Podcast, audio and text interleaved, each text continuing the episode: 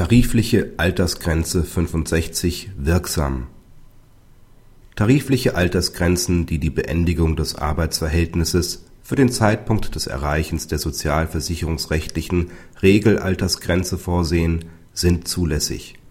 Die hierin liegende Befristung des Arbeitsverhältnisses ist nach der ständigen Rechtsprechung des BAG durch einen sachlichen Grund im Sinne von § 14 Absatz 1 Teilzeit und Befristungsgesetz gerechtfertigt wenn der Arbeitnehmer aufgrund der Beschäftigung eine gesetzliche Altersrente erwerben kann.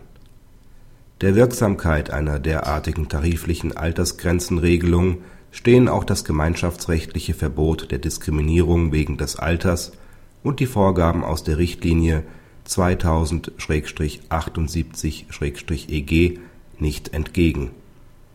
Die Ungleichbehandlung ist durch ein legitimes Ziel aus der Arbeitsmarkt und Beschäftigungspolitik im Sinne des Artikel 6 Absatz 1 der Richtlinie 2000/78/EG gerechtfertigt. Dies hat der siebte Senat des BAG zu einer vor Inkrafttreten des AGG vereinbarten tariflichen Altersgrenze entschieden. Die Klägerin war seit 1975 bei der Beklagten als Innenreinigerin beschäftigt.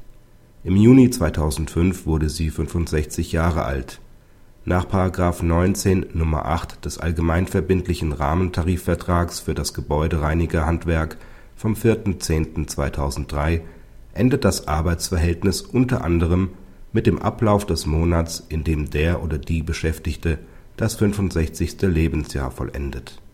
Die gegen die Beendigung des Arbeitsverhältnisses gerichtete Klage blieb vor dem BAG wie in den Vorinstanzen erfolglos